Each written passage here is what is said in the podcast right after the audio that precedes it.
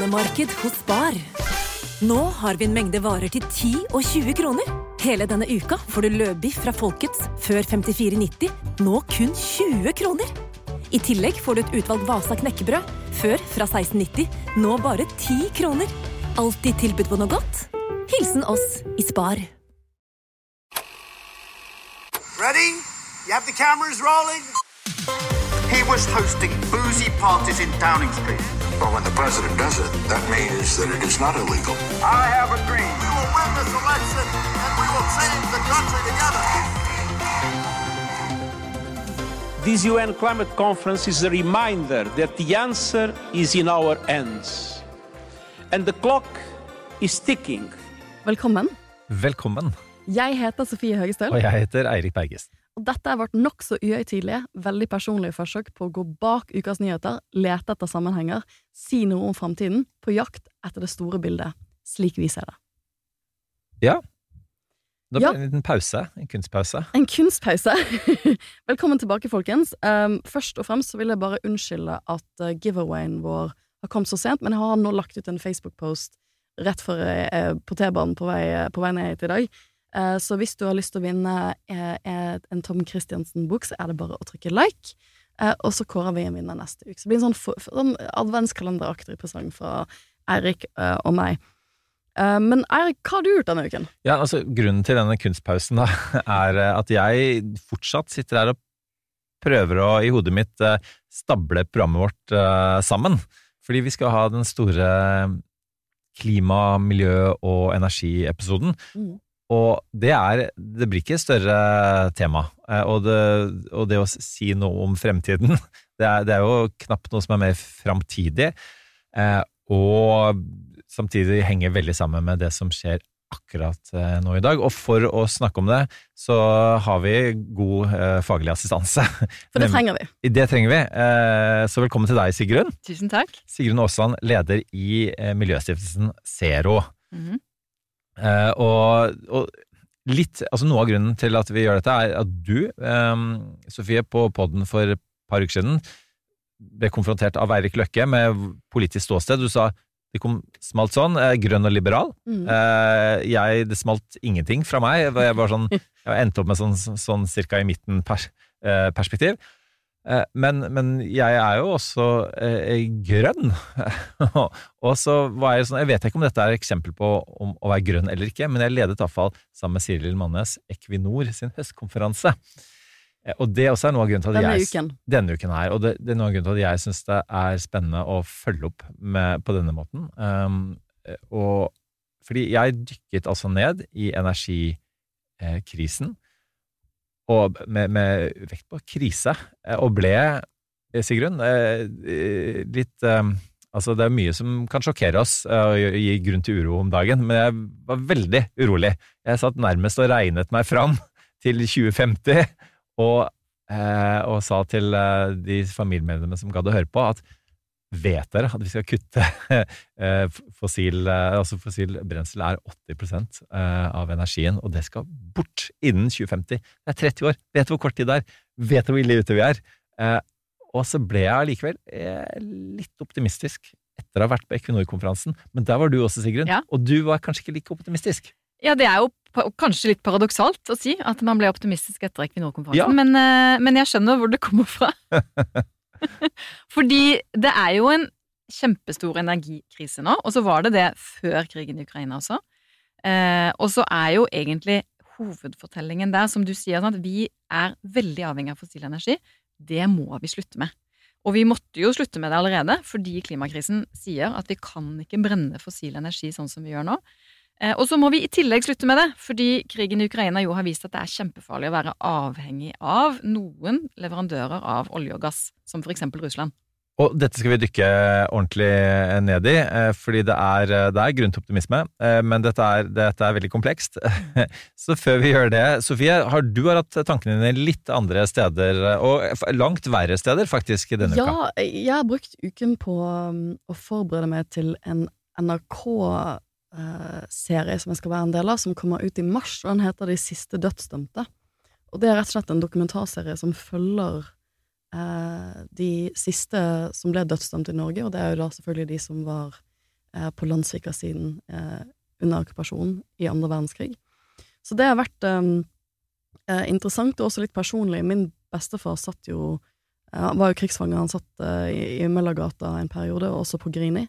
Så det, det, var, det, det var interessant fordi at um, Jeg er veldig spent på å se sluttresultatet, for de har um, De har ikke bare gått til historikere og sånn historiske kilder, men de har også intervjuet en del av de etterlatte familiemedlemmene um, av de som ble henrettet. Og, og det, det, har vært et sånn interessant møte mellom den eh, barnebarngenerasjonen, for de har blant annet fulgt barnebarnet til en av, eh, en av disse personene som ble henrettet, som ikke visste noe om denne historien før. Eh, så dette, det, dette, er nytt for han, en ny del av hans historie. Eh, og de har fulgt han, og, og, og for meg, liksom, jeg, jeg kommer inn fordi at jeg forsker på eh, etterkrigsoppgjør. Men jeg har jo også den personlige inngangen inn i det. Men jeg må si at det var veldig surrealistisk å bruke hele dagen sin, for da fløy jeg jeg, jeg, jeg, jeg gjorde en innspilling med det i sommer, og så fløy jeg ned til Bergen i går for å gjøre noen oppfølgingsinnspillinger, for de er nesten ferdig med serien. De, har, de skal ferdigklippe den nå uh, over jul. Men det var liksom surrealistisk å komme tilbake igjen uh, til leiligheten min, og liksom det første jeg så når jeg skudde på sosiale medier, var at liksom Kanye West har vært på Infowars med Alex Jones, som vi har snakket om uh, i denne podkasten tidligere, og rett og slett hatt en slags eh, nazihyllende rant. og det er interessant, for vi har jo snakket om Alex Jones og han som konspirasjonsteoretiker, men jeg, jeg hadde ikke tro... Altså, jeg har tenkt sånn, hvor går grensen hans? Og jeg, jeg, tror jeg fant ut det i går, for grensen hans virker å gå ved at uh, Kanye West sier at I love Jews and I love Nazis. Og da, var, da kunne du bare se Alex Jones på liksom, liksom Let's go to a commercial break. Uh, liksom, jeg, jeg, må ta distanse liksom, yeah, I have to disagree there. Da var jeg litt sånn, ja. Men det, det viser jo hvor relevant Hvorfor det er viktig å, å fortsatt um, snakke om krigen, snakke om det som skjedde, snakke om radikalisering. For det er en del av fokuset i dokumentarfilmen jeg, jeg, har bare vært på mine deler, men kommer jo til å være hvordan kan man gå for å være en normal, ung eh, norsk gutt til å bli en torturist eh, under okkupasjonen. Og det er jo ekstremt viktig at vi fortsetter å snakke om disse tingene når vi ser at eh, til og med folk som Kanye West kan falle ned et uh, nazikonspirasjonshull. Uh, som jeg ikke hadde trodd for ti år siden. Forbauset over det, Sofie? Kanskje ikke, hvis du har hørt på en del av de antisemittiske tingene han har sagt siste ukene. Så har de vært så voldsomme at, at da, altså, hvis du begynner å si sånne ting, så vet du jo litt hvor man er, da. Men det at han har gått for altså, Dette er jo ikke bare sånn ne neonazi-opplegg. Dette er sånn Hvis du sier at du, du, liker Hitler, da er du på et helt annet sted.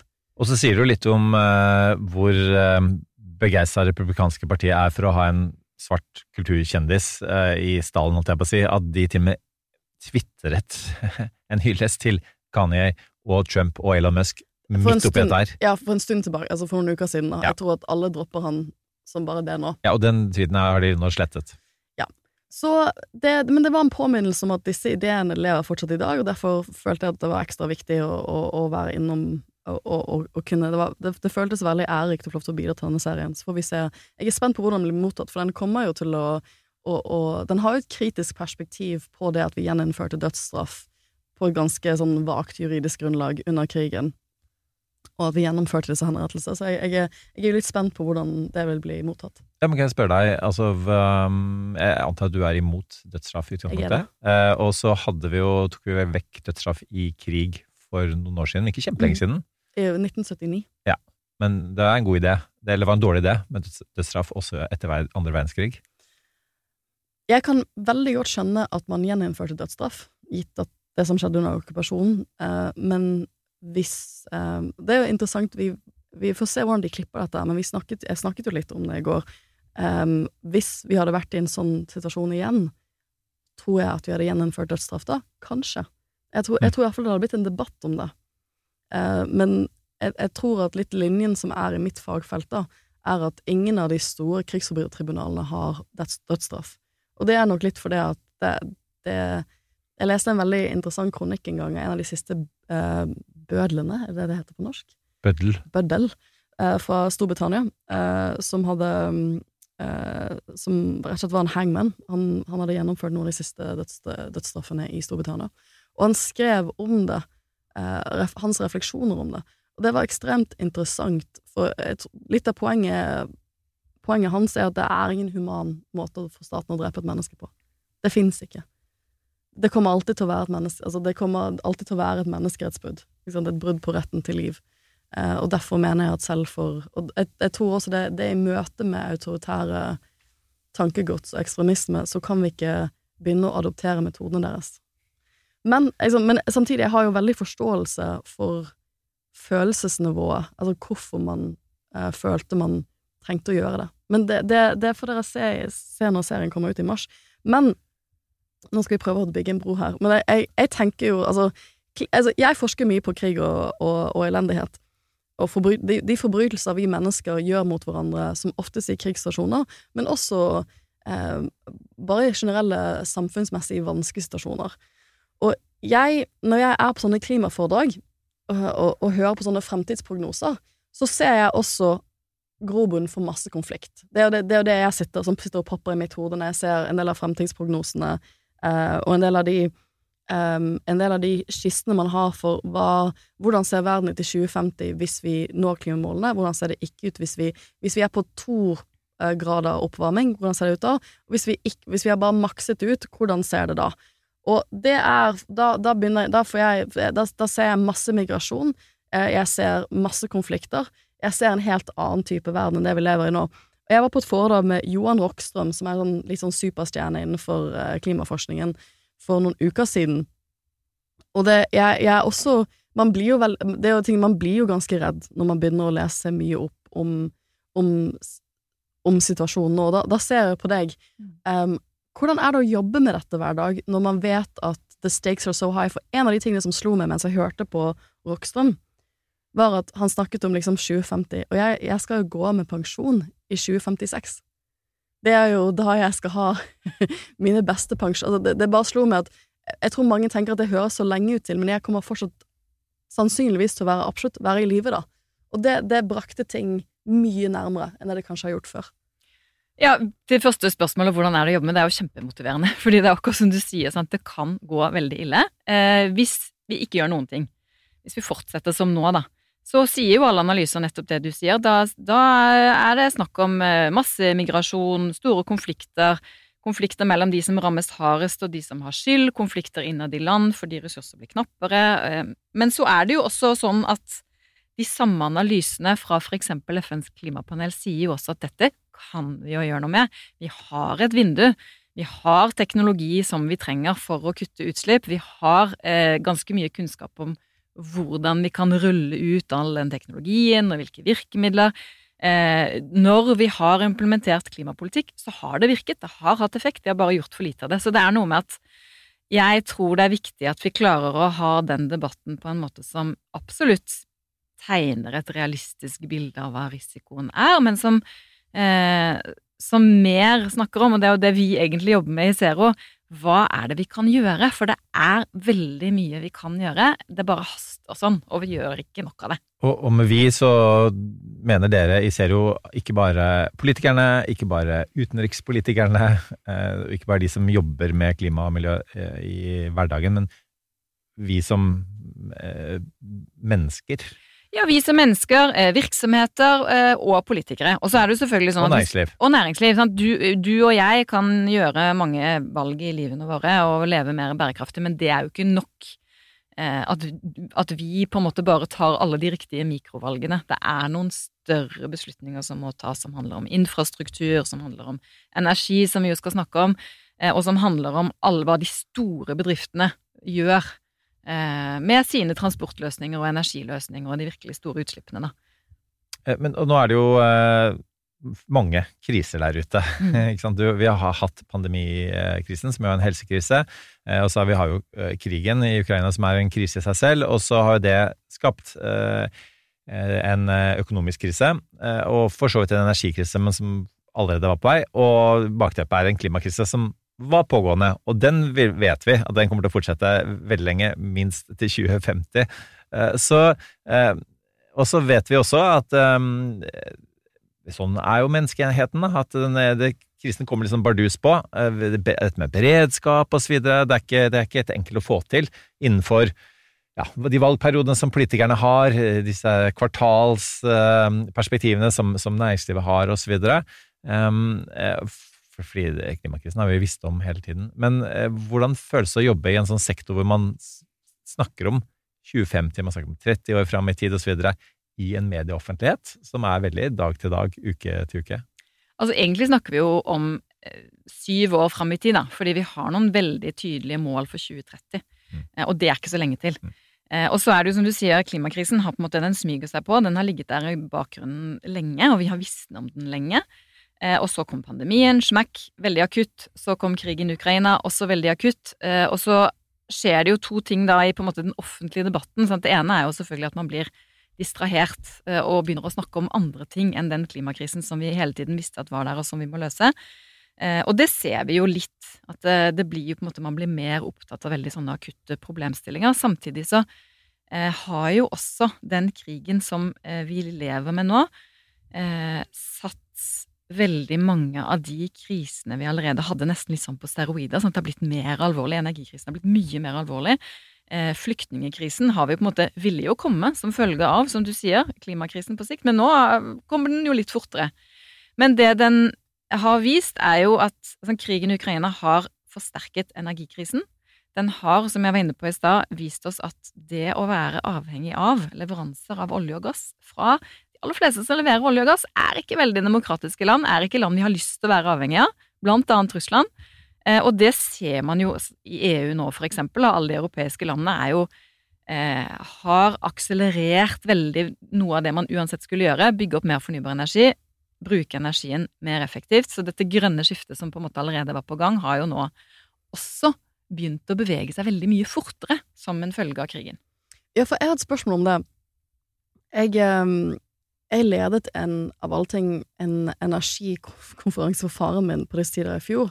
Så vi må jobbe for Arctic med shipping og eh, grønn shipping. Og mye, mye hydrogen, og han, han, han er veldig opptatt av um, energiskiftet vi skal gjennom, da. Men det som er interessant, er at det er jo ikke så lenge siden, men eh, mye av det vi snakket om Og jeg, jeg er ikke fagekspert i dette, så jeg prøvde bare å henge med på, på debattene. Jeg skulle prøve å moderere sånn som, eh, som Eirik gjorde. Du kommer liksom inn litt fra utsiden. Men det som er interessant, er at mye av det vi snakket om, føles jo nesten utdatert i forhold til det som har skjedd siste året, da. For det, som du sier, um, det har jo brakt dette opp på dagsagendaen.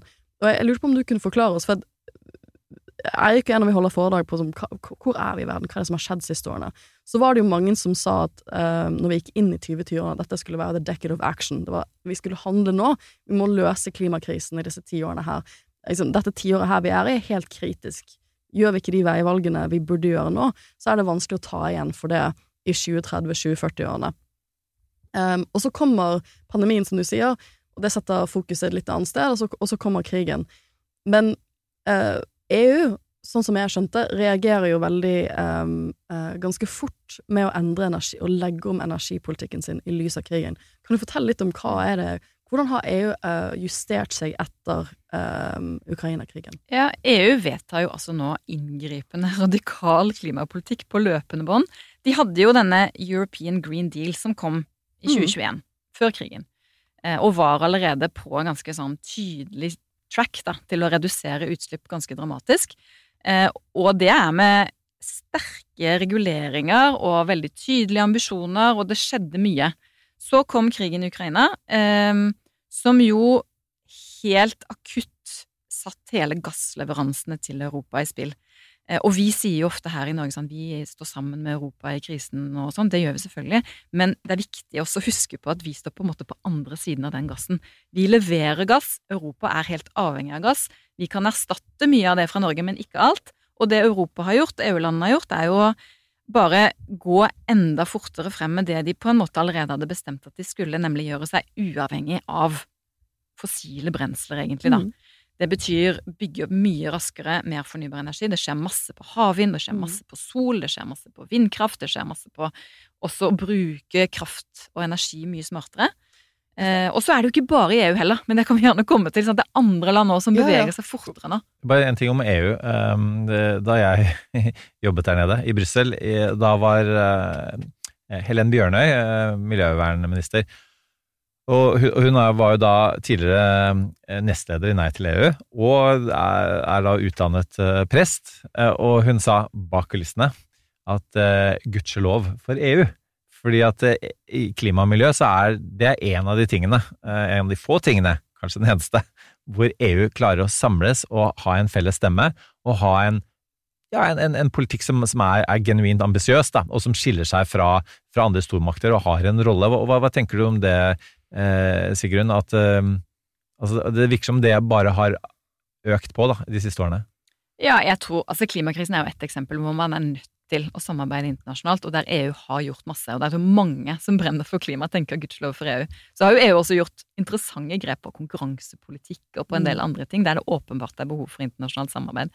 Men EU går fort fram nå. Det får betydning for norsk økonomi, og det får betydning for hva som kommer til å bli etterspørselen etter den norske gassen. Og det var jo interessant på denne konferansen til Equinor som du nevnte i sted.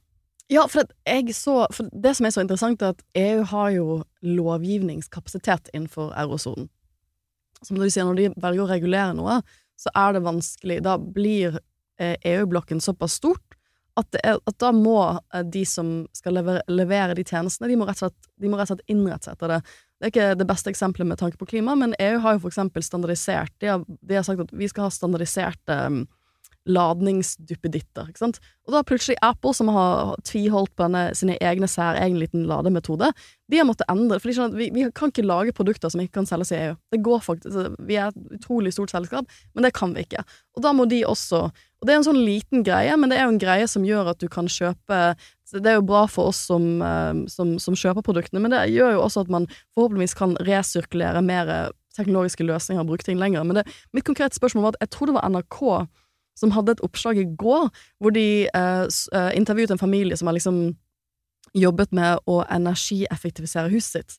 Eh, og eh, vinklingen på saken var liksom sånn Dette EU kommer, liksom sånn Dette må bli alle tvunget til å gjøre innen så så lang tid. Og det er jo litt den, den pakken vi snakker om. For en av de tingene jeg syns er så interessant med energispørsmålet, var kanskje det jeg lærte mest av under den konferansen, var hvor mye eh, Hvor lite energieffektive vi er. Mm.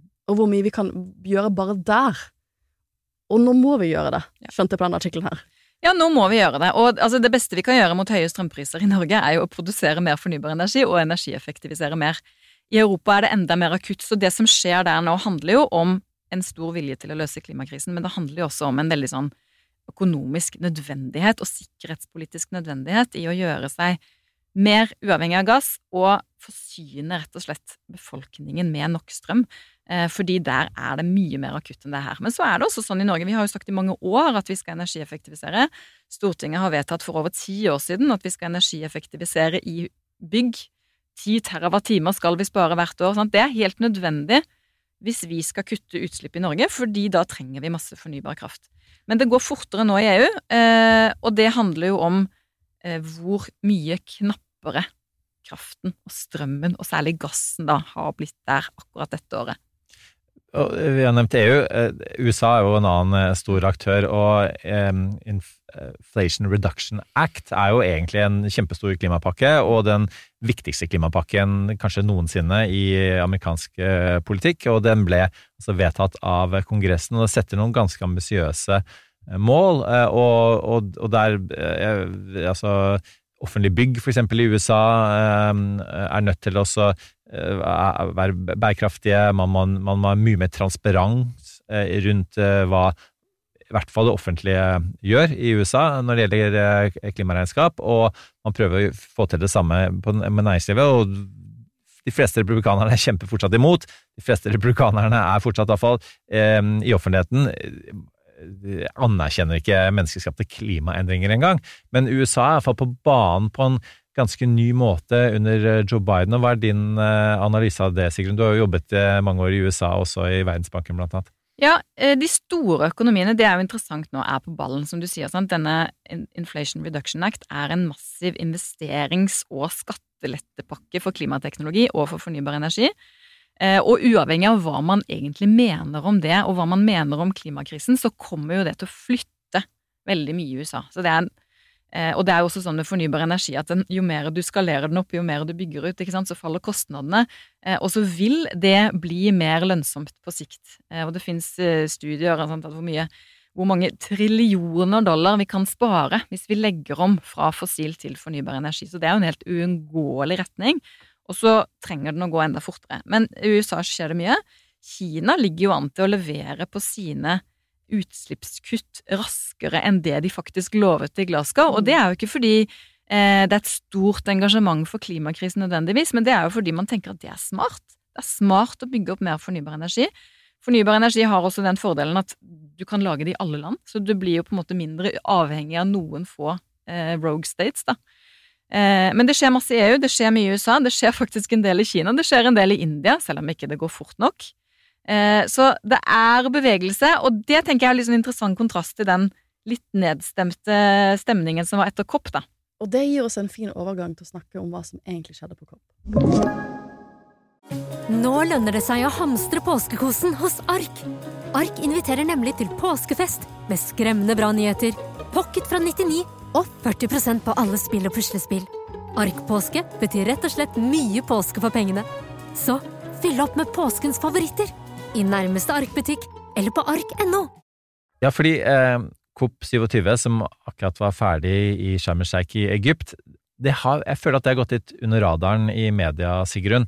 Eh, og eh, jeg skulle gjerne ha snakket mer om det i en viss TV-kanal, men jeg føler veldig behov for å snakke om det her på, på poden. Fordi hva, hva, var det egentlig som skjedde? Og jeg har inntrykk av at både denne og andre kopper på en måte det hører til at det, liksom, det er alltid en skuffelse, i den forstand at man, her var det veldig mye mer man skulle ha oppnådd. Og så vet jeg at det var noen lyspunkter allikevel. Så hva, på en måte, hva er din oppsummering av dette kopp som vi nå er ferdig med? Uh, jeg tror alle er enige om at det kunne vært bedre. Det var ikke en, uh, et helt optimalt resultat. men det var to viktige ting som skjedde. Det ene var at i likhet med møtet i Glasgow i fjor, så ble man enige om at 1,5-gradersmålet, altså verden skal ikke varmes opp mer enn 1,5 grader over førindustrielt nivå. Det står man fast ved, og det betyr også at man står fast ved alle de analysene fra FNs klimapanel som på en måte leder fram til det målet. Det andre man ble enige om, var eh, å opprette et fond for tap og skade, det vil si å kompensere de landene som rammes hardest av klimaendringene, men ikke har noe særlig ansvar for det, eh, fra de landene som har et stort ansvar for klimakrisen. Pakistan, for eksempel, da, som nå har en tredjedel av Pakistan ligget under vann i høst. Det er mange mennesker er omkommet, enda mange flere har mistet hus og hjem og vannbårne sykdommer og ekstremt alvorlig situasjon. Pakistan står historisk for 1% av globale klimagassutslipp, så det er en, en skjevhet her som også kommer til å få globale konsekvenser på sikt. Og det er vel, eh, så vidt jeg har forstått, da, en av de tingene som man har prøvd å få til i de 30 årene koppene eh, har vært, eh, og man ikke har fått til blant annet fordi at land som USA og, og de andre landene som da eh, forbruker så mye og skaper så mye eh, CO2, er redde for at man skal på en måte måtte kompensere direkte for de skadevirkningene. Så har man funnet en eller annen sånn derre juridisk, eh, politisk eh, vei hvor man på en måte skal Man skal ikke kompensere for det som har skjedd før, men man skal på en måte ha en slags sånn bistand fremover. Ja, det er mer enn altså det er ikke for det første så har jo dette med fattige og rike land, og hvem er fattige og rike land, det har vært en gjenganger i alle klimaforhandlinger. Sant? Hvem har skyld, hvem, har, hvem lider skade? Hva med de landene som etter hvert nå har begynt å bli rike land, eh, men som ikke har det samme på en måte akkumulerte historiske ansvaret, bare at nå har de en, en sterkere økonomi. Eh, men det var viktig for veldig mange land at den diskusjonen som kom opp nå om tap og skade, ikke ble et sånn erstatningssak. Mm. At det ble mer en forpliktelse til å finansiere klimatilpasning, og det var jo det man endte opp med. Så var det også en stor diskusjon om ja, hvem er det som skal betale? Skal eksempel Kina og Saudi-Arabia være med å betale, eller er det bare på en måte de gamle utslipperne som skal betale? Og der kom man jo også fram til et slags kompromiss, da. Og så tenker jeg, eh, Det var de to gode nyhetene. Så eh, var det mange som var misfornøyd med at det ikke kom noen sånn veldig klar uttalelse om nedfasing eller utfasing. Her er det mye eh, polemikk, men om olje og gass. Eh, der hadde man faktisk en litt sånn sterkere uttalelse på Glasgow-toppmøtet i fjor. Og så eh, tenker jeg det er viktig å ha med seg at ja, eh, disse klimatoppmøtene er ekstremt viktige. De er viktige for å samle alle verdens land om noen felles klimamål. De er viktige for å holde momentum i den debatten. De var viktige nå for å bli enige om at man skal, og har et ansvar for å finansiere tap og skade i de land som lider mest under det. Men så er det jo også sånn at hele, hele kjernen i Parisavtalen fra 2015, og i det man da egentlig snakker om på disse klimatoppmøtene, er jo at landene må kutte utslipp hjemme. Så liksom uavhengig av hva som skjedde på COP, i hvert fall fordi man ble enige om at vi er fortsatt enige med 1,5-gradersmålet, så er det det som skjer hjemme, som er det viktige. Ja, for det er spørsmålet mitt. For jeg, jeg føler jo nå selv at vi er inne i en sånn kutt-kutt-kutt-fase. Det er all, Fine ord, det er fint, det, men jeg, liksom, det jeg er interessert i nå, er reelle kutt. Og dette sier jeg som en person som tok en dagsreise med fly til Bergen i går. Så jeg, altså, jeg føler selv at jeg, jeg har ikke så mye jeg skal ha sagt. eh, Jeg kutter ikke nok i mine egne forbruk. Men vi er jo der nå at vi, det, vi blir mål, Suksessbarometeret er hvor mye vi kutter hvert år. Og kutter land reelt sett nok akkurat nå? Det gjør vi jo ikke, og ikke i Norge heller. I Norge har vi siden 1990 kuttet 4 Eh, Vi skal kutte 55% fram til 2030. Så det er jo, vi ligger jo litt sånn bakpå. Mm. Eh, Og mange analyser viser jo det, at vi ligger bakpå. Så det er jo den dårlige nyheten. Eh, Den gode nyheten er jo at både globalt og her i Norge så vet vi jo at det er ganske mye vi kan gjøre. Og det er ganske mange lavthengende frukter vi kan ta tak i, eh, som vil ta oss mye nærmere de målene vi har satt oss. Vi må bare gjøre det litt raskere. Og hva er det lavthengende fruktene? Ja, eh, vi laget i Zero en eh, pakke til regjeringen i år da, som vi syntes var veldig fin, hvor vi sa ok, vi hører at dere vil kutte 55% av utslippene innen 2030. Det er bra. Da kan dere gjøre følgende. Og da har vi en del eh, Det handler mye om elektrifisering av eh, transport, men også tungtransport, eh, skip, eh, fly etter hvert. Det handler om, som du var inne på i stad, mye om bruk av hydrogen. Der vi ikke kan elektrifisere fordi det er for tungt og avstanden er for lange, så må vi ta i bruk hydrogen. Eh, vi har noen store utslipp i industrien i Norge. De ti største utslippene står for syv millioner tonn CO2. Sant? Så vi får bort de, så har vi gjort masse. Det handler også eh, mye om elektrifisering. Det handler litt om biokull, det handler litt om hydrogen. Eh, vi har ett punkt i Norge hvor vi kan kutte 800 000 tonn CO2 hvis vi legger om til hydrogen. Så det er ganske mange ting vi kan gjøre. Vi sa her er alle virkemidlene, her er all teknologien. Trenger ikke finne opp noe nytt. All den teknologien fins. Og sånn kan vi komme i mål til 2030. Så kan vi ta ut noe hvis det er noe dere ikke liker, men da må dere putte inn noe annet, da. Sofie var eh, innom det, det her handlingens tiår, og vi har snakket om det i poden her før også, at nå er vi jo en fjerdedel, og snart en tredjedel inn i handlingens tiår. Ja. Og det har vært lite handling på dette på grunn av pandemi og på grunn av krig. Og eh, vi ser jo nå også at eh, på grunn av krigen spesielt, så, så vi flommer over av, av kull i Europa. Du har, du har land som eh, man, man begynte å fyre med ved igjen. Altså, det har gått tilbake. Du har hatt eh, Senterpartiet var ute og sa i sin tid at eh, vent nå litt, kanskje vi skal vente litt med, med alle disse klimamålene mens, mens krigen pågår. Um, og, og det er jo mye diskusjoner rundt den, en av de få landene i verden, eh, altså Norge, som da er eh, både stabil eh, eh, eh, produsent av, eh, av olje og gass og et stabilt demokrati, i motsetning til alle de andre som du nevnte i stad. Um, burde ikke vi bare levere energi til, til verden og gjøre, gjøre den jobben først? Eh, og hva tenker, altså, det er jo på en måte er det jo en tilbakegang, men så vet jeg at du, for dette har jeg spurt deg om før, for å prøve å bli litt beroliget, at det er samtidig Altså, den historien Dette er en, en kompleks fortelling, for dette her er litt sånn begge deler. Altså, der er det framgang samtidig. Kan ikke du bare ta oss litt inn i den kompleksiteten? Ja, altså Krigen i Ukraina drar oss jo i to retninger, kan Ja. du si. For, de som, for det første, som du sier, det var veldig mange som sa i hvert fall at nå kommer utslippene til å gå opp fordi vi må fyre opp kullkraftverk igjen i Europa. Eh, men som vi har vært inne på, krigen gjør jo også at EU-landene eksempel akselererer det grønne skiftet nå, bygger mer fornybar energi, gjør mer for å energieffektivisere. Og så har det jo faktisk vist seg da, at hittil i 2022 så har til og med utslippene i EU gått ned, ikke opp, slik man fryktet. Eh, og så er jo det store, liksom det mange sier her i Norge, ja, men nå må jo vi levere all den gassen Europa vil ha, og vi må være en stabil leverandør av gass, og det er sånn vi er en god venn med Europa. Og det er helt riktig, sant? og det er alle enige om, og det er det ingen politisk uenige om på Stortinget heller. Alle sier selvfølgelig skal vi selge gass til Europa nå. Men så er det en veldig viktig nyanse i det som handler om hvor lenge er det egentlig Europa vil ha den gassen. Eh, og der var det jo interessante analyser fra Det internasjonale energibyrået på Equinor-konferansen denne Mm.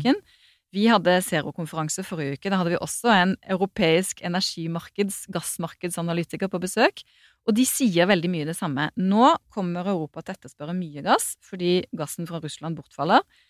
Men de kommer jo også til å akselerere omleggingen fra gass, og det betyr at på litt lengre sikt, fram mot 2030 kanskje cirka, så vil den etterspørselen etter gass falle veldig dramatisk. Mm. Og det betyr jo at vi her i Norge må passe oss litt, fordi ja, vi skal produsere og levere all den gassen vi kan nå, eh, men å begynne å utvikle nye oljefelt som står klare om syv, åtte, ni år, det er ganske risky business, fordi der vet vi veldig lite om, eller der tror vi ganske sikkert at etterspørselen vil gå ned.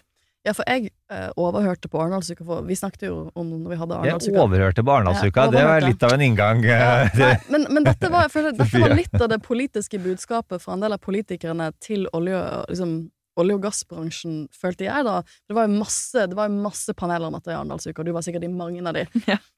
og, og det var litt sånn, ja ja, dette blir kanskje en liten fest. Dette blir kanskje en mer lukrativ fest de neste årene enn vi trodde i gassbransjen. Men det langsiktige bildet, ikke sant, jeg kan tjene en del mer penger nå, men ikke tro at det kommer til å vare Mm. etter et visst punkt der. Så dere må tenke, dere må legge om. Dere fortjener tjene disse pengene nå, men så må dere virkelig tenke at vi, dere må bruke den tiden nøye på å legge om. For i et langtidsperspektiv så går verdiene av den, av, av den gassen dramatisk ned, og en del investeringer som for ti år siden så lovende ut, har ikke det samme regnskapet lenger. Nei, og det var jo en veldig tydelig advarsel egentlig fra sjefen Ja. i Det internasjonale energibyrået, Fatih Birol, nå denne uken, hvor han ble spurt da, eh, burde vi ikke investere mer i olje og gass nå, gitt situasjonen i Europa, og han var ganske tydelig på at eh, nei, dere burde selge gass til Europa nå, det er bra, dere burde produsere fra eksisterende plattformer, men alle analyser viser at hvis vi skal nå 1,5-gradersmålet, så trenger vi ikke, altså innenfor klimarammen, trenger vi ikke nye felt. Eh, og dessuten eh, er det en ganske stor risiko for at det man utvikler av nye ting som man skal selge langt fram i tid og sånn, det blir det ikke noe særlig marked for. Men det som liksom er utfordringen i Norge nå, det er jo Nå renner pengene inn eh, på olje og gass. To ting med det. Det ene er jo det er ganske mange nå der ute som begynner å stille spørsmål med om ikke vi skal bidra til litt oppbygging av fornybar energi og sånn med noen av de pengene. Det andre er jo, klarer vi å bygge opp raskt nok havvind og hydrogen og alle disse andre tingene når vi er så travle, da? For det er faktisk mye arbeidskraft og kapital nå som går inn i produksjon av olje og gass, og leting etter olje og gass. Men dette er spennende, fordi det er en av tingene som var beroligende, da, eh, Sigrun, med Equinor-konferansen, var Fatih Birol, som jo leder internasjonale energibyrået, som, som sier det du sier. Han, han er eh, tyrker, veldig sånn eh, fin type. Han, det han, jeg følte han leverte virkelig det store bildet her, og, og tok jo hensyn til alle disse faktorene vi har snakket om nå, med, med, med, med krig og for så vidt eh, pandemien og, og, alt det vi har bak oss, og vi skal ha med oss videre inn videre i energikrisen. Og så um, men så eh, kommer jo da um, olje- og energiministeren og avslutter det hele. Det var litt nedtur. og eh, sier eh, at vent nå litt, det eh, lederen i energibyrået nå sa i stad, det er jeg uenig i. Vi skal i Norge fortsatt ha døren åpen for eh, å utforske og, og, eh, og han sier vel egentlig, han sa det ikke med de ordene, men det han prøvde å si, vel, var at vi, vi ikke skal stoppe helt med, også med oljeleting. Og så fikk han litt sånn spredt applaus i salen. Jeg vil anslå sånn en tredjedel applauderte det.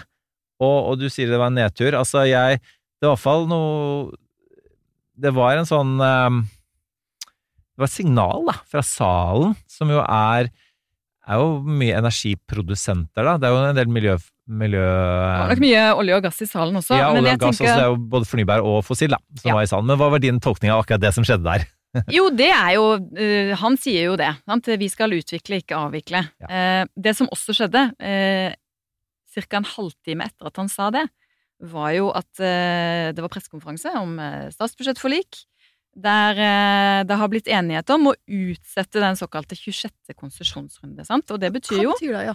det betyr nye felt. Det er jo egentlig litt, litt det samme vi snakker om. Det betyr at det skal være masse aktivitet på sokkelen i årene fremover, fordi det er allerede ganske mange åpne felt der man Mm. også kan finne nye ting. Men det betyr at den utlysningen av nye ting skal utsettes. Og så ligger det også noe der om særlig sårbare områder. Eh, og det tenker jeg eh, Du kan godt si at det har ikke stor betydning for oljeaktiviteten, fordi det er så mange åpne felt allerede og sånn, men det er en viktig retning. Og så kan du jo liksom spørre er det markedet eller klimapolitikken som skal på en måte bidra til at oljen fases ned. Antagelig er det en kombinasjon.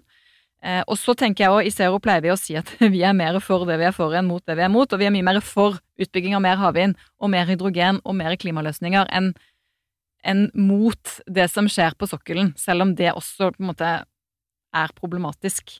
Eh, så det skjer, og det skjer jo også en del ting der, da, selv om det burde være mye mer, som jeg tenker det er viktig at vi både tar med oss og fortsetter å insistere på at man ikke skal droppe. For jeg syns jo det var veldig, veldig positivt, og all honnør til SV som fikk det gjennom uh, i forhandlingene. Det er jo er ikke lett å være et lite parti eh, inne i forhandlinger med to større partier i regjering, det har jo Venstre erfart, og jeg syns det var et positivt signal, for som du sier, det er nok verken eh, markedsøkonomisk veldig smart å putte mye penger inn i nye konsesjonsrunder, når vi nå ser det taktskiftet som skjer i EU. Det var ikke smart før, men nå som vi virkelig ser særlig den nye energimarkedsplanene i Europa, så er jeg ikke samfunnsøkonom, men da begynner jo den ligningen å se litt forskjellig ut.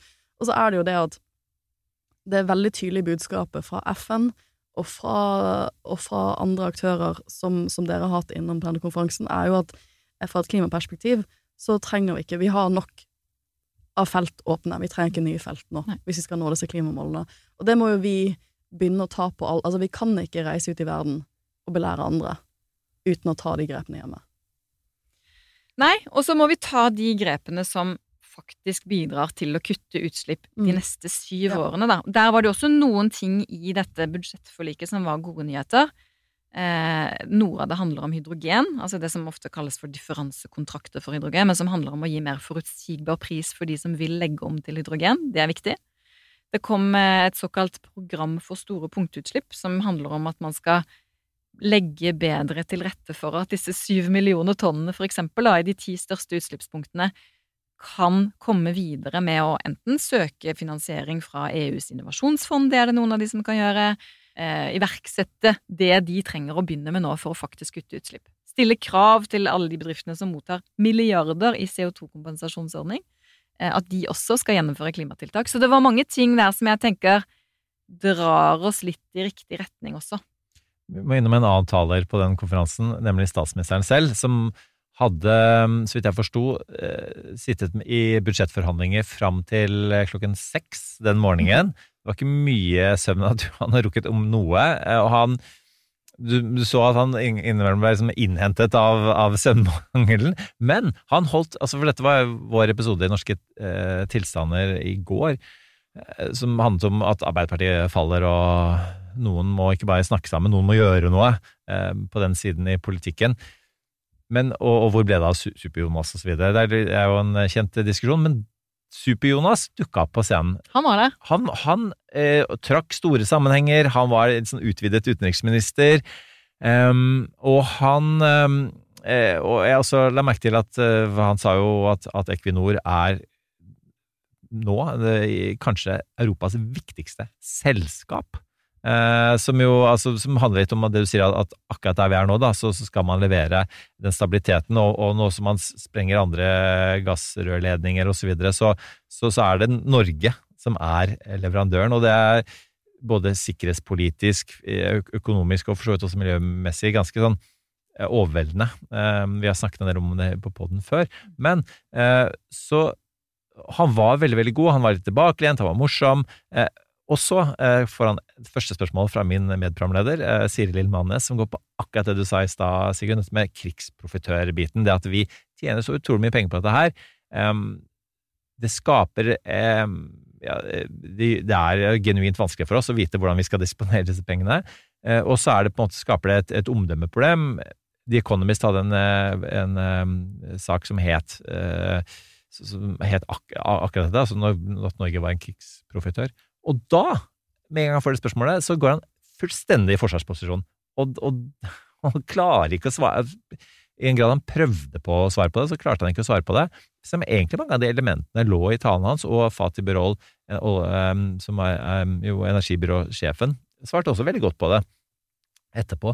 Og hva, hvorfor er det så vanskelig for Norge, akkurat dette her, og hva burde vi gjøre? det- Ja, jeg, jeg tenker det må ha vært vanskelig for norske politikere å være på kopp og forklare konseptet stramt budsjett eh, når man kommer fra Norge. Men det er, jo, det er jo ikke helt uten grunn. Altså, vi har jo innrettet oss veldig viselig i norsk økonomi som en følge av store oljeinntekter. De pengene går rett inn i oljefondet. Og oljefondet har vi konstruert som en investeringsbank der det liksom ikke skal være noe eh, Man skal ikke drive og hente ut penger derfra til alle mulige gode, gode formål. Eh, og så skjer jo det nå, for det første, fordi da alle inntektene fra olje og gass går rett inn i oljefondet, så har vi jo nå liksom det statsbudsjettet som har blitt utarbeidet nå, eh, også havnet i den litt rare problemstillingen at når man skulle øke skattene for å få noe mer penger inn å bruke, så hentet man det fra fornybar energi. For de pengene går jo inn i statsbudsjettet. Hvis man hadde økt skatten på olje og gass, så hadde jo ikke det gått inn i statsbudsjettet, så det var liksom ikke noe å hente der. Det ville jo bare gått inn i oljefondet. Og så tenker jeg at det er på høy tid å ha en diskusjon nå om innretningen på selve oljefondet. Man skal ikke ta lett på det, man skal ikke bare liksom putte penger inn i gode formål, men det er jo et fond som skal sikre fremtidige generasjoner. Og vi driver jo ikke med sikring av fremtidige generasjoner akkurat nå, på en særlig god måte i hvert fall. Vi hadde, eh, som jeg sa, Zero-konferansen forrige uke, uken før Equinor-konferansen. Der hadde vi invitert eh, Yngve Slyngstad, som var leder av oljefondet tidligere, som også sa disse tingene. Sånn, ja, det er veldig vanskelig, fordi dette er en veldig solid, gjennomarbeidet, stor institusjon med mange gode regler av mange gode grunner. Men det er jo selvfølgelig mulig, hvis man vil det, å ta en, løfte en bit ut av oljefondet og si dette skal være et investeringsfond for fornybar energi i andre land, for eksempel. Det kunne man ha gjort hvis man ville det. Men det, men det er også nytt med Nicolai Tangen, ikke med Nicolai Tangen i seg sjøl, men etter at han overtok, så har man jo et grønt perspektiv fått inn det i oljefondet. Ja, altså man sier at man skal være netto null i 2050. Ja. Det er jo bra, men så tenker jeg det skal jo hele verden, da. Så det er jo på en måte Det skulle jo bare Det, det er ikke egentlig høye nok ambisjoner. Nei, man ligger jo ikke foran da. Da ligger man jo på en måte der hvor markedet er. Men man har jo gått fra helt ublu å si at dette fondet er til for å tjene penger, Ja. til at dette fondet er til for å tjene penger også på, på grønne aksjer. Ja, er eller man der. sier vi skal investere eh, og stille krav til de vi investerer i, eh, om at de må ha en plan for å være i null i 2050. Og det er bra. Og det er en annen ting som er bra som har skjedd dette året, er jo at eierskapsmeldingen som kom i høst, eh, sier nå at alle statlige virksomheter, og det er jo en del, skal også være netto null i 2050, og ikke bare det, men de skal kunne vise hvordan, på en vitenskapelig dokumenterbar måte, de har tenkt å komme dit. Da må de jo ha en troverdig nedtrappingsplan for utslipp. Ja, for dette er interessant, for jeg føler at det du sier, og det mange andre jeg snakker med sier, er at ehm, det har nok vært en del av oss som har håpet at vi skal liksom bare innovere oss ut av dette. At på et eller annet tidspunkt skal noen komme ut, en eller annen superforsker, og si 'Jeg har funnet opp en måte å suge CO2 ut av atmosfæren'. Det kan vi faktisk også gjøre. Ja, ja, ja, ja, ja, sånn, sånn, på en veldig enkel måte. Bare sånn knipse med fingrene gratis. over natten, nesten gratis, og så bare sånn Vi kan forurense så mye vi vil. Ikke sant? Og vi kan, vi kan fortsette å konsumere så mye ting som vi gjør. Fordi at dette fikser vi gjennom en eller annen sånn genial eh, teknologisk innovasjon. Eh, A, jeg blir fortalt, det kommer nok ikke til å skje. Det er ikke realistisk, Sofie. Det er sånn du ser på sånne future sci-fi movies. Det er ikke den verden. Vi kan ikke henge klimahatten på at det er det vi skal gjøre. Men det andre jeg ofte får som en sånn positiv ting, da, at, som du var inne på i sted, vi har mange av de redskapene vi trenger. Det er, det er ikke så mye vi, vi har ganske mye av den teknologien vi trenger. Vi, vi har verktøyene. Vi trenger egentlig bare begynne å bruke dem. Ja, Det er helt riktig. Vi trenger bare Vi har jo eh, Vi kan elektrifisere. sånn at Vi har nå elektriske ganske store lastebiler, gravemaskiner, mye av tungtransporten kan vi elektrifisere. Vi kan bytte ut fossile brensler med hydrogen på veldig mange områder.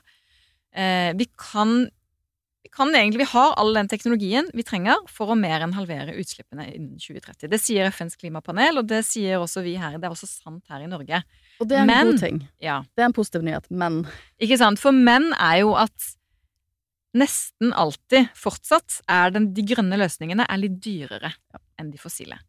Eh, og så begynner jo nå stadig flere, også virksomheter og private virksomheter, å se at hvis vi skal ha liksom Dette endrer seg jo, karbonprisen går opp. Eh, energiknapphet blir en issue her. Så hvis vi skal ha, være liv laga om 10-20-30-40 år, så må vi faktisk ha en plan for hvordan vi skal drive uten utslipp. Og det har jo på en måte blitt forsterket nå de siste årene, den oppfatningen, da.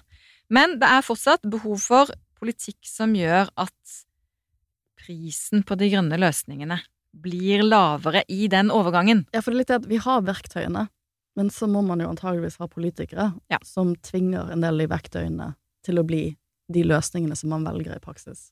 Ja, og det er for eksempel å si hvis du velger å bruke hydrogen på skipene dine eller i industrien din, så skal vi garantere at du ikke betaler mer enn dette. Så Mm. tar staten på en måte det mellomlegget til prisene faller og markedet løser det. Men de, markedet løser det ikke fort nok. Nei, til, altså, man gjør disse løsningene billigere før de egentlig blir det teknologimessig. Ja.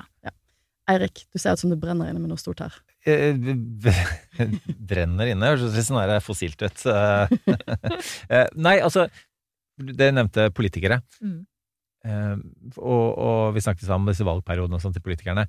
Eh, Er det ikke sånn at, at politikerne er egentlig de som trekker litt beina etter seg, mens næringslivet er de som leder an litt på den måten at, at the blessing in disguise da, med pandemien var at uh, næringslivet skjønte at uh, dette forutså vi ikke, men dette burde vi forsøkt å ha forutsett, for det, dette var jo varslet at pandemi eh, kunne komme, og det har satt oss så veldig tilbake at det må vi lære av når det gjelder klima, som jo allerede er en krise, og den vil bare øke.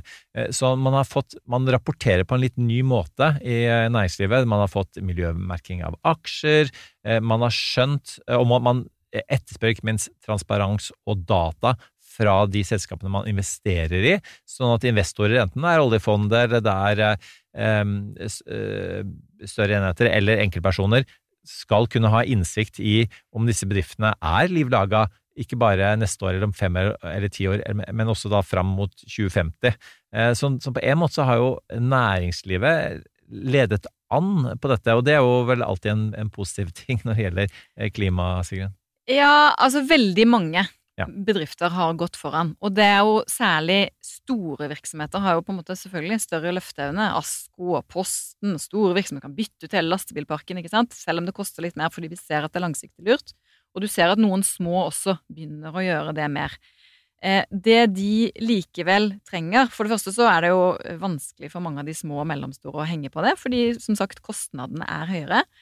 Eh, og så er det jo bedre om eh, Altså, vi vil jo at de som går foran, skal være vinnerne, da. Eh, og da er det noen ganger at politikerne må, burde regulere mer, og ofte har vi jo også eksempler på at næringslivet etterspør det. Hele byggebransjen nå, for eksempel, sier jo kan dere være så snill å sette øvre grense på klimagassutslipp i nye bygg? Fordi da kan vi konkurrere innenfor det, og det har vi lyst til. Eh, og så gjør ikke politikerne det, eh, og det kan man jo bli litt frustrert av. Så har jeg lyst til, liksom, det er viktig å si at politikerne det har skjedd ting i klimapolitikken også. Det er ikke sånn Av og til så får man inntrykk av at det er liksom ingenting skjer, det er helt håpløst. Det er det ikke, men det går altfor, altfor sakte. Eh, og det handler om at man burde stille mye strengere krav, regulere eh, bedriftene i større grad. Så fins de løsningene, da presser de seg fram. Det har vi mange eksempler på. Eh, og så må man gjøre de grønne løsningene billigere, for det er sånn i motsetning til digitalisering, da, som er en sånn omstilling hvor bare billigere teknologi kommer og fortrengte den gamle og dyrere. Sånn er det jo ikke med klimateknologi.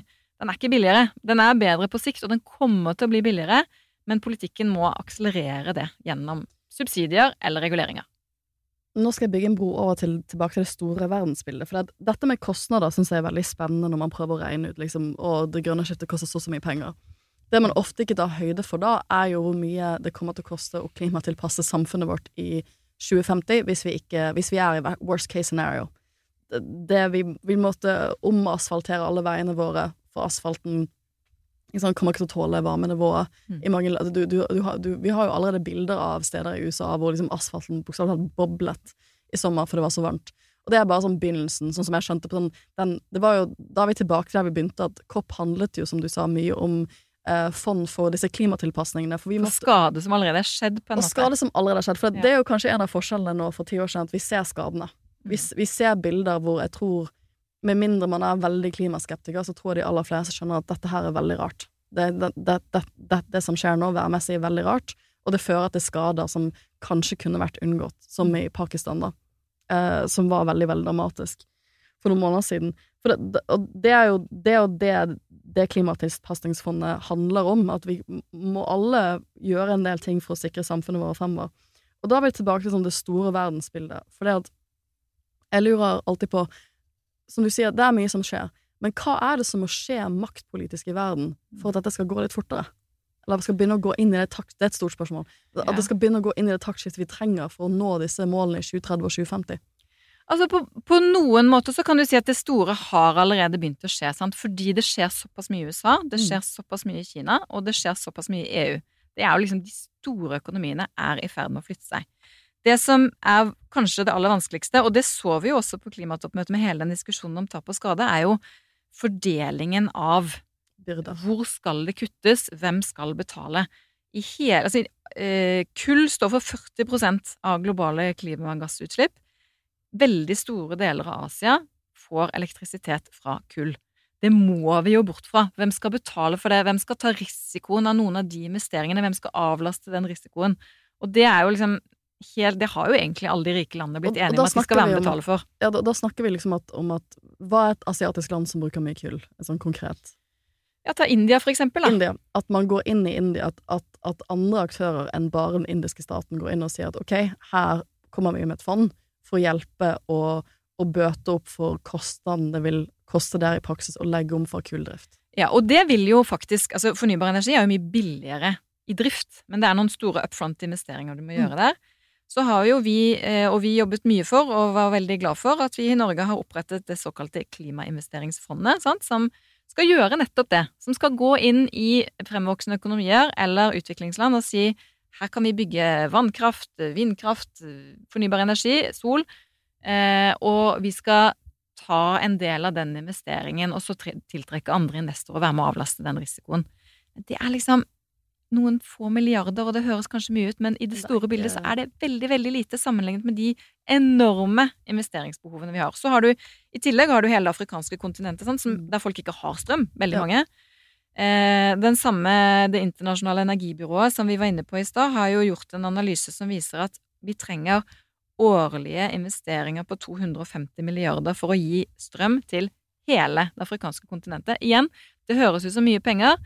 Eh, norske inntekter fra olje og gass i 2022 er 1139 milliarder. Så det er fem Det, måneder. det er overkommelig. Ja, Det er sant? det er egentlig overkommelig. Eh, men, men jeg tror liksom det geopolitiske bildet som du begynte med, det står og faller litt på det. Og, og det er jo liksom symptomatisk at det er tap og skade som får mest oppmerksomhet Mm. nå, fordi den skjevheten er så tydelig. Ja, altså, Vi har ikke vært inne på det, men det, dette med utvikling sånn, Jeg bodde en liten periode i Senegal. Jeg har veldig forståelse for at hvis du er Senegal, sier du Vet du hva, det er dere som har forurenset hele verden. Det er ikke vi. Det er ikke det som vi har gjort. Og hvis dere sier at vi skal gjøre sånn og sånn og sånn, og gjøre det veldig dyrt for oss å komme opp på et utviklingsnivå hvor vi kan leve verdige, gode liv, eh, og ha tilgang på elektrisitet og de godene dere har, da er ikke vi med på dette. Vi kan ikke være med på dette spleiselaget, da. Da er det helt skjevfordelt. Så det må bygges ut mye mer fornybar energi i mye større deler av verden. Det kommer til å bli bedre. Vi, det gjør, gir større energisikkerhet, fordi du kan produsere fornybar energi veldig mange forskjellige steder. Eh, det er helt nødvendig for å forsyne de som ikke har strøm, med strøm, for å komme bort fra kull i der hvor man bruker kull. Eh, og det krever en del investeringer, men det kan også Det kommer til å bli lønnsomme investeringer. Det er bare at det må skje fortere, og den risikoen må avlastes mer. Og det, må, og det haster.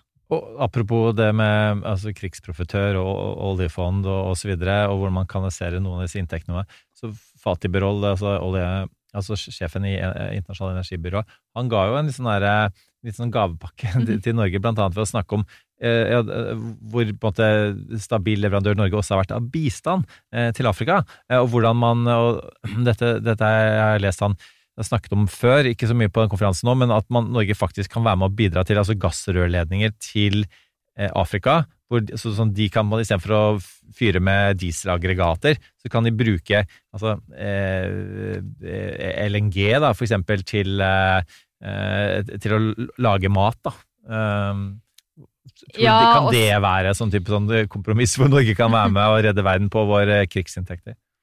Nå er ikke, det er jo ikke en langsiktig løsning for noen med gass. At Det det er enorme infrastrukturinvesteringer for å komme over til noe som vi egentlig må bort fra. Ja, for gass er jo litt sånn klimaalibi for noen. Ja, gass er jo bedre enn kull, Ja. eh, og akkurat nå er gass bare nødvendig fordi For det er en viktig del av energimiksen i Europa. Men eh, vi skal jo fra, som du helt innledningsvis så sa du at er 80% av vår energi er i dag fossil, 20% fornybar. Vi ligger an til, hvis vi fortsetter sånn som nå, å komme mot 50-50. Vi må til 2080. Ja.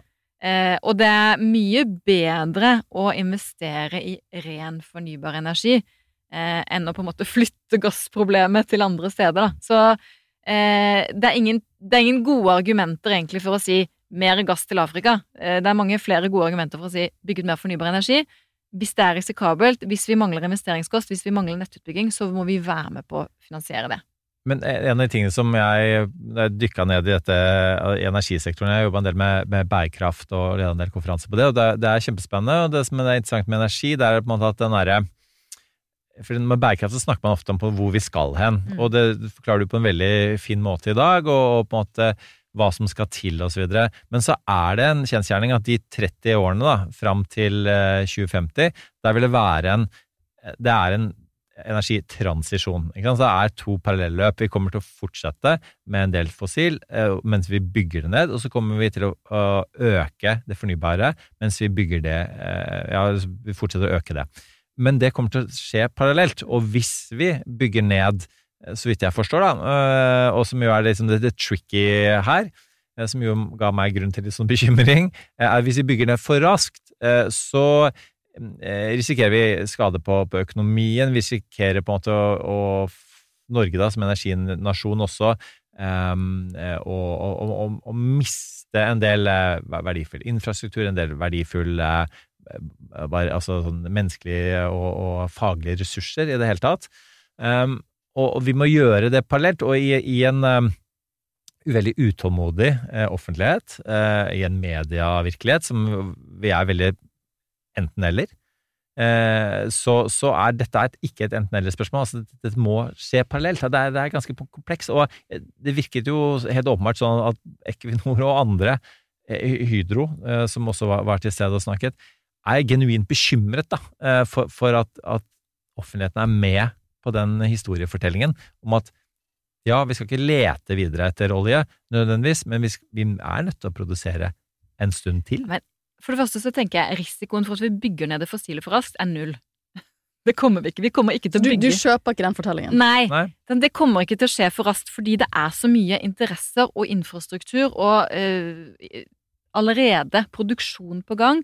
Allerede det vi produserer og leter etter å ha på gang, og som Equinor også investerer mye. Equinor investerer jo aller mest fossilt. Men du er enig i at man, de fortsatt skal få lov til Ja, å gjøre det? ja, og så syns jeg av og til det tegnes et bilde av at det er så mange som bare vil skru av oljekranene nå med en gang, og det kan vi ikke. Det er ingen som sier at vi skal skru av noen kraner nå, ikke sant. Så det er også en sånn derre eh, falsk motsetning i debatten. Mm.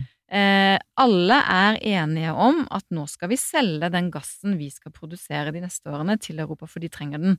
Men ned, altså, investeringene i fornybart går altfor sakte. Og eh, det gjelder Det er mange oljeselskaper som gjør mye bra også på hydrogen, på karbonfangst og -lagring, på havvind har jo også Equinor engasjert seg i og har ambisjoner for, og det er kjempebra. Eh, men det burde være en større andel av de investeringene de gjør også, enn det det er i dag. Så det er liksom ikke noe eh, Equinor ble jo konfrontert også av eh, De har laget en film som heter Den store testen. Der de har Den største testen. Den største testen, faktisk. faktisk. Der de har invitert er inn fire unge mennesker til å utfordre de på sine sine på, Når vi klimamålene, og hva er liksom omstillingen i Equinor, og går det fort nok, og sånn. Eh, og de var jo også ganske utålmodige, og så er på en måte svaret de får at ja, nei, vi må se, og det, vi skal på en måte over i det fornybare, men, men de eh, det, det kommer til å ta litt tid og, og sånn. Jeg tror ikke det er noe risiko for at det går for fort. Det er ingenting som tyder på det, men det er veldig stor risiko for at det går for sakte. Men resultatet er at, at vi skal allikevel fortsette med olje og gass en stund til. I hvert fall gass kommer vi til å fortsette med en stund til.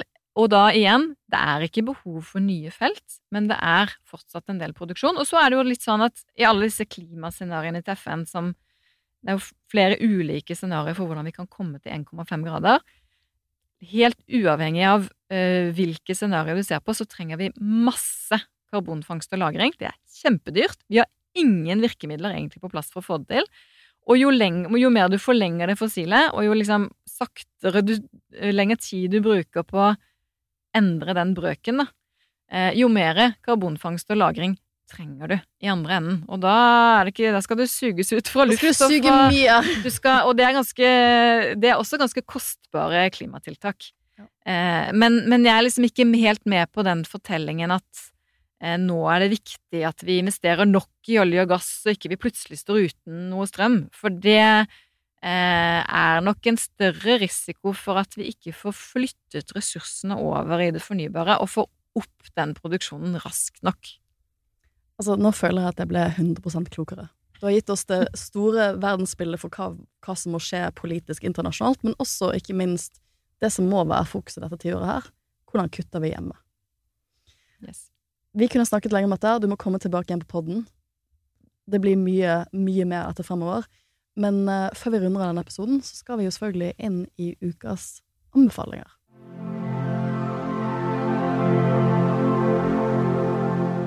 Ja, med alle denne Equinor-jobbingen, Eirik, så lurer jeg på om du har tid til å komme opp med noe og enten å koble deg av eller på med? Du, jeg, jeg har altså brukt eh, uka og for ukene før det på å se sånn all verdens YouTube-videoer eh, om eh, energikrisen. Eh, så, jeg, så jeg anbefaler altså det, jeg, jeg skal ikke si at jeg havna i en sånn eh, kaninhull, eh, men i, i så fall på en, på en bra måte. Fordi der ligger utrolig mye spennende materiale. Det er sånn der, ja, mye av det vi sier nå, forklart ikke på én time, som, som vi har brukt på å forklare det, og en, ennå ikke veis ende, for dette er jo komplekse ting. Men sånn der ett minutt på ditt og ett minutt på datt-ting. og så den mest uh, eh, spennende videoen var fra National Geographic, og den kunne ha skremt deg, uh, eh, Sofie. For at dette er jo, det, det, er, er vanskelig å forklare disse tingene her da, på en måte som gjør at folk forstår. Eh, men eh, den ene som er nevnt på National Geographic, sin derre ja, klimakrisen på fem minutter, som jeg anbefaler folk å se. Um, den lenken vil for så vidt ligge på, på uh, uh, i, i podkasten vår på Spilleren. Uh, er uh, dette med at innen 10 til 100 år, det er ganske stort spenn, da, så vil alle dyrene som vi kjenner fra Disney, enten det er elefanter eller løver eller tigre, være, være utdødde Fra Disney. fra Disney. Ja, Det Disney. var ikke det en fin måte å, å si det på?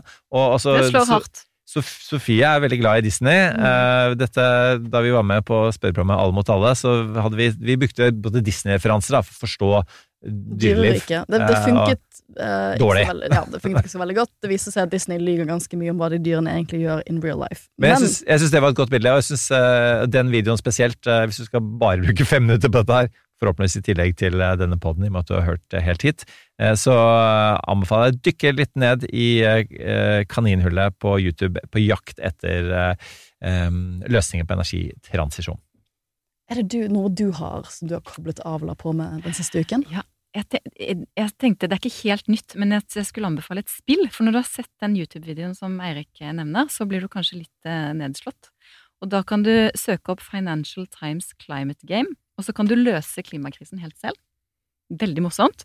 Eh, og så får du eh, på slutten av spillet vite hvor mye du har eh, senket temperaturen, rett og slett. Om du klarer 1,5-gradersmålet. Så det oppfordrer jeg alle til å prøve. Kult. Det har jeg faktisk aldri hørt om før. Eh, jeg tenkte jo at dere ville komme med klimating, så jeg, eh, min anbefaling denne uken er helt urelatert. Og jeg har jo prøvd å koble litt av eh, siste uken, for jeg føler at jeg har jobbet for mye Jeg går inn for landing nå. Og da, da endte jeg opp med å lese masse bøker forrige helg. Eh, og en av de bøkene jeg koste meg skikkelig med, heter The Cloisters av Katie Hayes, um, og er en hva skal vi kalle det, en sånn uh, akademisk spenningsroman? den er, um, uh, den Jeg syns det var veldig morsom å lese. Det, det er da et sånn forskningsmiljø på et museum i New York som heter The Cloister, som jeg ikke visste var et ordentlig, det er et ordentlig sted. Jeg måtte google det. Jeg skal definitivt gå og besøke det museet eh, neste gang jeg er i New York. Um, men um, jeg syns det var uh, morsom lesing, så det er min anbefaling denne uken. Så dette er sånn her, um, redningsplanke for uh, akademikere som er sånn flaue over å lese krimlitteratur. Så akademisk ja. spenningsroman. Ja, og hvor folk dør. Mm. Okay. Mm. Perfekt inn i helgen, da. Ja. Perfekt inn i helgen. eh, og, med det Jeg, jeg føler meg iallfall uh, i sum litt betrygget i dag. Og jeg, jeg har hørt på deg, og det, jeg tror folk som ikke ser deg, men hører deg eh, Det er jo en optimisme i stemmen din, og, og det er jo Du, du er jo et eh, et positivt vesen, eh, Sigrun. Jeg føler at jeg, Når du snakker med Sigrun, så ser jeg på deg liksom som eh, flyvertinnene på, på flyet når det er sånn turbulens. Sånn, Ja. Oi, er de, blir de nervøse nå, eller smiler de fortsatt? Og de smiler fortsatt. Uh, da er jeg betrygget. Da er det Så litt mer betrygget, og ikke minst veldig mye mer informert. Så tusen takk for at du var med oss i dag, eh, Sigrun. Og ga oss det store klimabildet. Med det, ha en fortreffelig helg til alle sammen, og en eh, glimrende neste uke. Så skal vi kåre vinneren av giveawayen vår neste episode, så det er bare å gå inn på Facebook-siden vår, finne den posten med bilde av de to bøkene til Tom Christensen, og trykke like for å være med i konkurransen. Og med det, kjære lytter, så håper jeg vi lyttes igjen neste uke. Tusen takk for at du fulgte oss denne uken her. That's enough. Put down the mic.